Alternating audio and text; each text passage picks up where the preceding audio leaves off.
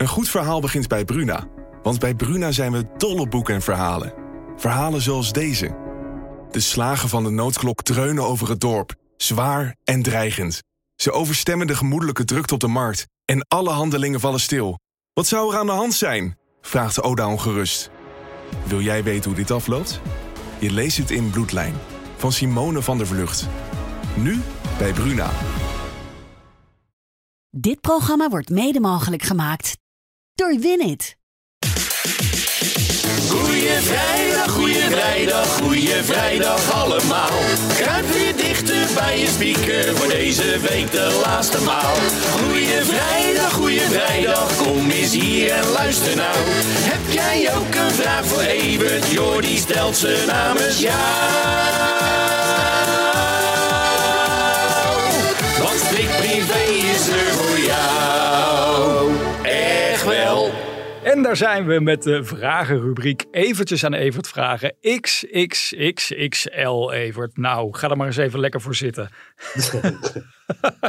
Oh, je zit al, zie ik. Goed, ehm, de vragen van de luisteraars. We gaan er een hoop behandelen vandaag. En we beginnen met die van Tim. Want die vroeg zich af: Vind je het nou niet heel spannend om zo'n primeur van Theo Maassen van deze week naar buiten te brengen? Ja. Nog steeds. Ja. Ja. dat heeft natuurlijk ook te maken met dat je nooit weet wat voor tegenkrachten je kan eh, verwachten. Eh, we hebben Theo eh, ruim voor publicatie om een commentaar gevraagd. Ja. De VPRO ook, die een wat dubieuze rol speelt in mijn ogen. Mhm. En die reacties waren eigenlijk vrij mild toen. Ja. En, eh, maar ja, op het moment dat het gepubliceerd wordt, dan komen er alle, gaat iedereen zich er tegenaan bemoeien. Iedereen heeft een, een, een mening erover. Je wordt ook onmiddellijk gebeld vanaf eh, half zeven s morgens door allerlei radioprogramma's die eh, je commentaar willen in de uitzending. Terwijl ik denk, ja, het blad ligt nog niet eens in de winkel. Ja. Dus daar wachten we maar even mee. En eh, dat, dat is wat het heel spannend maakt. En ja, verder is het natuurlijk heel spannend om hem zelf te benaderen en te vragen hoe zit dat met al die verhalen dat je vrouwen mishandelt. En dat heeft collega Frank Waals op zich genomen, die het verhaal ook geschreven heeft, die daar weken mee bezig geweest is.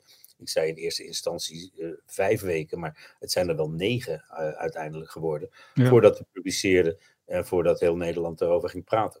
Ja, en dat heel Nederland het erover heeft deze week, dat is echt duidelijk. Wordt je dan in supermarkten en zo er ook echt op aangesproken, op dit soort verhalen die je brengt? Nou, Theo is natuurlijk niet een, een bekende eh, privé-figuur. Hij staat eigenlijk nooit in privé. Dat was anders met dat Gordon-verhaal. Judith gaan we dan naartoe. Eh, die heeft gezien dat op 4 april de reality-serie van de Bouwers gaat starten. Heb jij er al zin in? Ja, natuurlijk. Die jongens zijn zo leuk geworden. En dat waren natuurlijk nog kinderen in die vorige seizoenen van de bouwers. En dat zijn nu volwassen kerels geworden met leuke verhalen over pa. En die nemen pa in de maling. En, en ja, ik denk dat het wel een groot succes weer gaat worden. Ja. En die vrolijkheid van de bouwers. En met elkaar en zo'n gezin en al die mannen. Dat is natuurlijk wel heel erg leuk om, om naar te kijken. En in deze tijd met zoveel ellende om acht uur op televisie. Dat is een heerlijke afwisseling. En even onbezorgd eh, kijken. Dat zijn echt leuke dingen waar een omroep mee kan komen, vind ik. Videoland gaat het doen. Maar het had zomaar op eh, elke zender gekund. Want ja, Frans is, blijft populair. En gewoon zichzelf. En dat is vrij uitzonderlijk. Een nationale knuffelbeer eh, is het inderdaad. Ja. Tot slot gaan wij dan nog even naar de vraag van Tina. Want die zegt, aan welk interview heb je nou een prachtige herinnering? Nou, als het Tina Nijkamp is, zou ze dat moeten weten. Want die was de baas van SBS toen ik Smit. Maar dan is dat de andere Tina, denk ik. Ja, Eh, ja, nou, het veel eerder. Dat van Gavin vond ik heel erg bijzonder om te doen. ja. Juist omdat die jongen zo totaal anders was als ik verwacht had. Maar ik vind André van Duin ook altijd een feest om te interviewen. Die, eh, ja, die van die kleine opmerkingen tussendoor maakt. We hadden het eind van het jaar voor een kersteditie van de Telegraaf over hoe onaardig we allemaal tegen elkaar zijn op straat. Tenminste, vaak. En hij zegt, nou, als je oversteekt op straat, elke fietser, die, die ziet je als de vijand. En dan denk ik, ja, dat is gewoon zo klein gemaakt wat er eigenlijk aan de hand is. Als dat Ja. nou eens zou veranderen, dan zou wel een heel andere wereld krijgen. En we zagen afgelopen week ook op foto's uit het eh, Koningshuis dat hij zelfs de koning aan het lachen krijgt. Ja, ja, maar kijk, André is best lastig interviewen, want ik heb hem eens gebeld toen zijn huis te koop stond aan de Vecht, jaren geleden. En eh André, staat je huis te koop? Joh, wil je het kopen? Weet je, het is, eh, je kan er bijna niks mee. Tenzij Ja. er echt wat aan de hand is in zijn leven. En dat was toen Martin overleed, zijn man, en toen hij zelf ziek was. En dan komen er hele mooie, diepe gedachten uit hem, die je helemaal niet zou verwachten. En die mooi zijn om op te schrijven.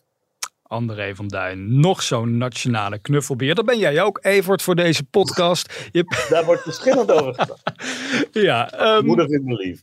Ja, precies. Ja, dat is het allerbelangrijkste uiteindelijk. Maandag, dan ben je er weer, nationale knuffelbeer. Want dan gaan we gewoon weer door met deze podcast. Tot maandag. Mooi weekend.